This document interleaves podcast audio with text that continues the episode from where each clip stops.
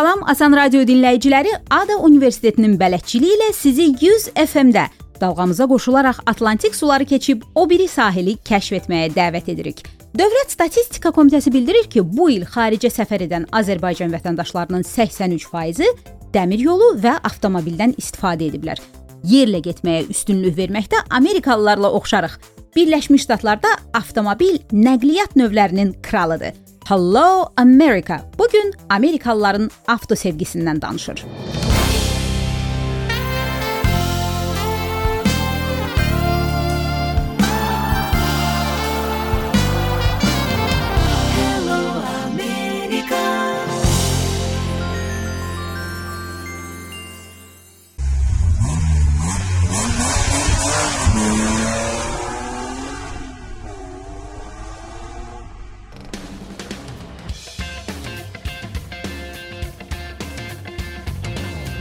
Avtomobil Amerikalıların bir nömrəli nəqliyyat seçimidir. Səbəbləri çoxdur, amma qısa izahatı budur ki, Rusiya və Kanadadan sonra dünyanın ərazicə 3-cü böyük dövləti olan Amerika Şimali Amerika qitəsinin şərq sahilindən qərb sahilinə qədər uzanır.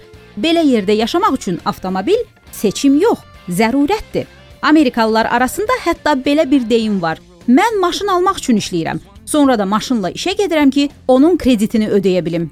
Lakin Amerikalılar bu zərurəti milli fəxarətə çevirə biliblər. Dünyanın heç bir yerində avtomobillərlə bağlı bu qədər şou, yarış, festival və hətta avto döyüşlərə rast gələ bilməzsiniz.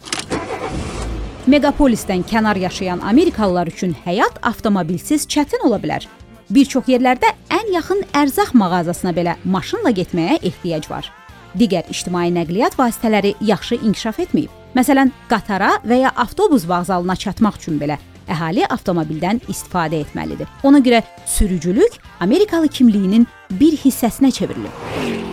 Sürücülük vəsiqəsi üçün minimum yaş həddi müxtəlif Amerika ştatları üzrə dəyişsə də, əksər yerlərdə 15 yaşından etibarən sürücülük icazəsi almaq olur. Bu deməkdir ki, sükan arxasında əyləşəndə gənc sürücünün yanında həmişə etibarlı sürücü vəsiqəsi olan şəxs oturmalıdır. Bəzi ştatlarda isə 16 yaşından etibarən məhdudiyyətli sürücülük vəsiqəsi almaq olar. Bu isə o deməkdir ki, gənc sürücülər gecə saat 12-dən səhər saat 6-ya qədər sükan arxasında ola bilməzlər. Tam hüquqlu uzun müddətli vəsiqələr 18 yaşından verilir. Hesab edirlər ki, bu yaşda vətəndaşlar hərəkətlərinə görə məsuliyyət daşıya bilərlər.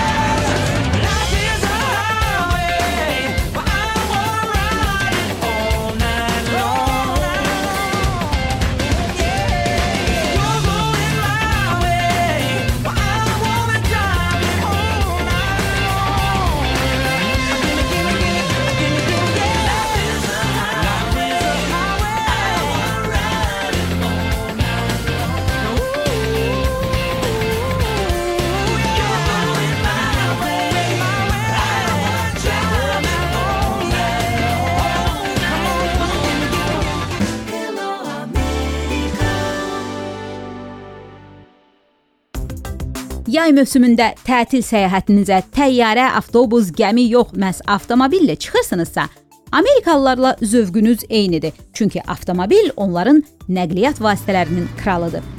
Avtomobil Amerikalılar üçün səyahətdə azadlıq deməkdir.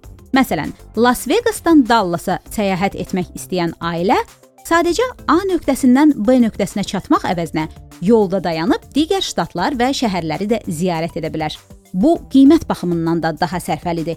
Benzin sərfiyyatı 150 dollar edərkən Las Vegasdan Dallasa təyyarə ilə səyahət hər ailə üzvünə 150 dollarlıq biletlə başa gəlir.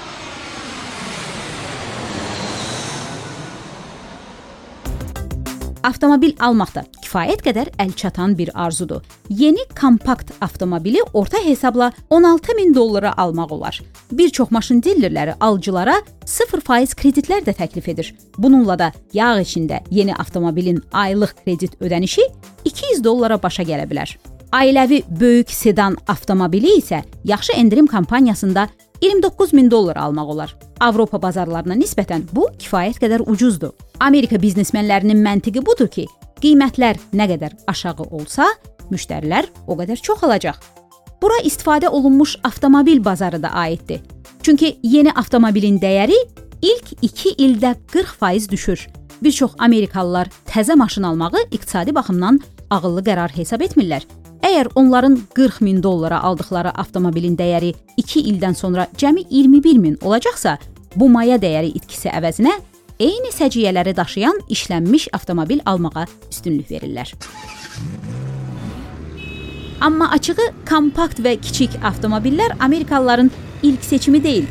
Böyük ərazilərdə yaşamağa alışan Amerikalılar avtomobillərini də geniş və rahat sevirlər eyni sinif avtomobillər Amerika bazarları üçün istehsal edildikdə daha lüks səciyyələrlə təklif edilir. Maşında nəyə üstünlük verirsiniz soruşduqda Amerikalılar 3 cavab verirlər: rahatlıq, mühərrik ölçüsü və baqaj yeri. Bu da səbəbsiz deyil. Çünki Amerikalılar aktiv həyat sürməyi sevirlər. Ona görə avtomobilin içinə mümkün qədər çox sərnişin və əşya yerləşməlidir. Birləşmiş Ştatlarda ən çox satılan avtomobil Amerika istehsalı olan Ford F sinifinə aid yük maşınıdır. Avtomobil bazarının çempionu adını düz 42 ildir ki qoruyur. Ford F150 pick-up yük maşınının bir çox evlərdə məişət üçün istifadə edilməsi təəccüblü deyil. Onun salonuna 6 nəfər böyük sərnişin, arxa açıq baqajına 3 böyük soyuducu yerləşə bilər. Özü isə 2 tona yaxın kargo yük çəkə bilər kiçik qayıq və yaxud treyler daxil olmaqla. Onlara multi-purpose vehicle, hər məqsədə uyğun avtomobil deyirlər. Amerikalıların ikinci seçimi SUV avtomobilləridir. Azərbaycanda bunlar Jeep kimi tanınır. Bunlar üstü bağlı yük maşınlarıdır, lakin səciyyələri oxşardır. Çox sərnişin daşıyır, ağırlıq qaldırır və çəkir və hər lazım olanda uzun yola və dağa daşa çıxır.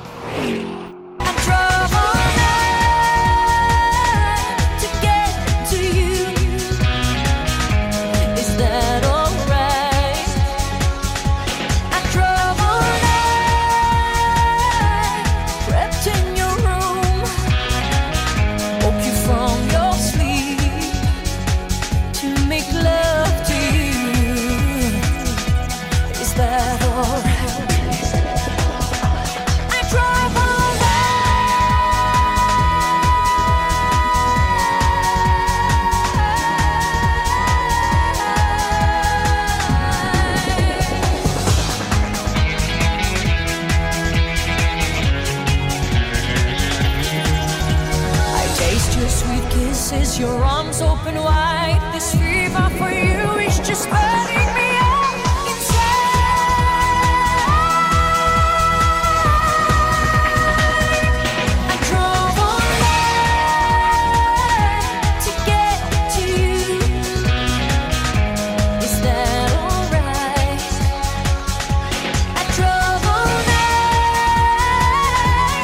Dion I drove all night to get to you. Sənin yanına çatmaq üçün bütün gecə yol sürdüm oxudu. Bu başqa bir sual yaradır. Surət həddi nə qədərdir? Surət həddi ştatdan ştata dəyişir. Bir qayda olaraq ən mühafizəkar ştatlar surət həddinə gələndə ən liberallarıdır. Məsələn, Amerikanın ikinci böyük ştatı Texasda ən yüksək sürət həddi saatda 85 mil və ya 140 kilometrdir. Lakin bir çox ştatlarda bu rəqəm saatda 65 mil və ya 105 kilometrdir.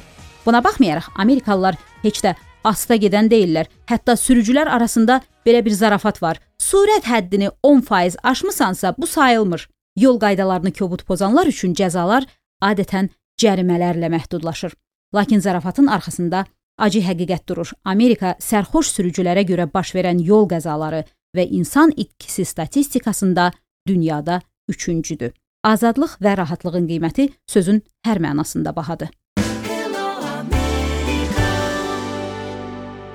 Amerikan ingiliscəsini öyrənirik. Rubrikamızın məsləhətçiləri ingiliscə ali təhsil verən Ada Universitetinin akademik məqsədlər üçün ingilis dili proqramının müəllimləridir. Amerikalıların surət sevgisini ifadə edən bir cümlə. Burn up the road. Burn up the road. Hərfi tərcüməsi yolu yandırıb yaxmaq, yəni kimisə və ya nəyisə görmək həvəsi ilə sürətlə sürüb gəlmək. I burned up the road to see you. Səni görmək üçün yolu yaxdım gəldim.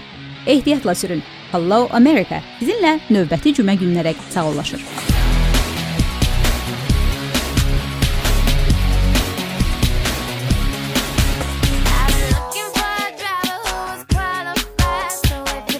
Shut up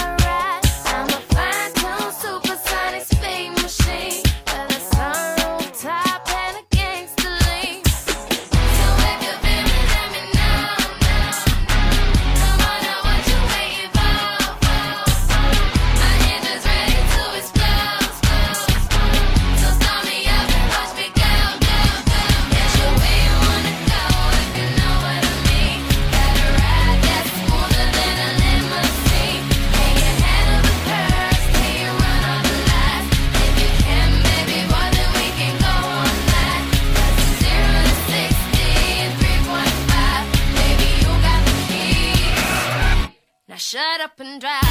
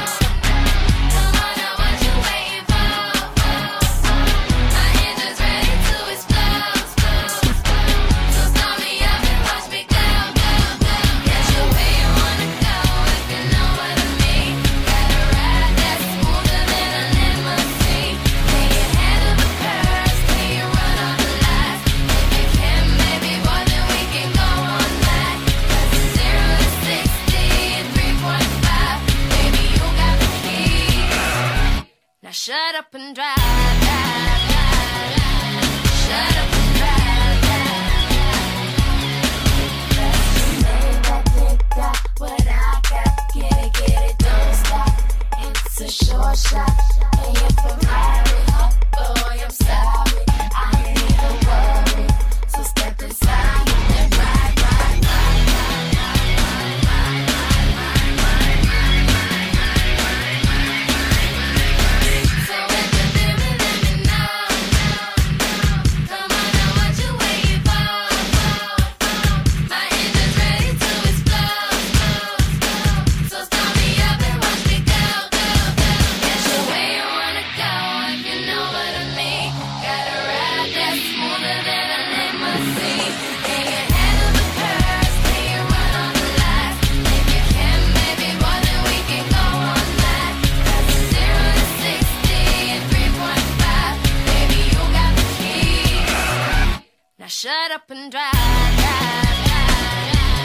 Shut up.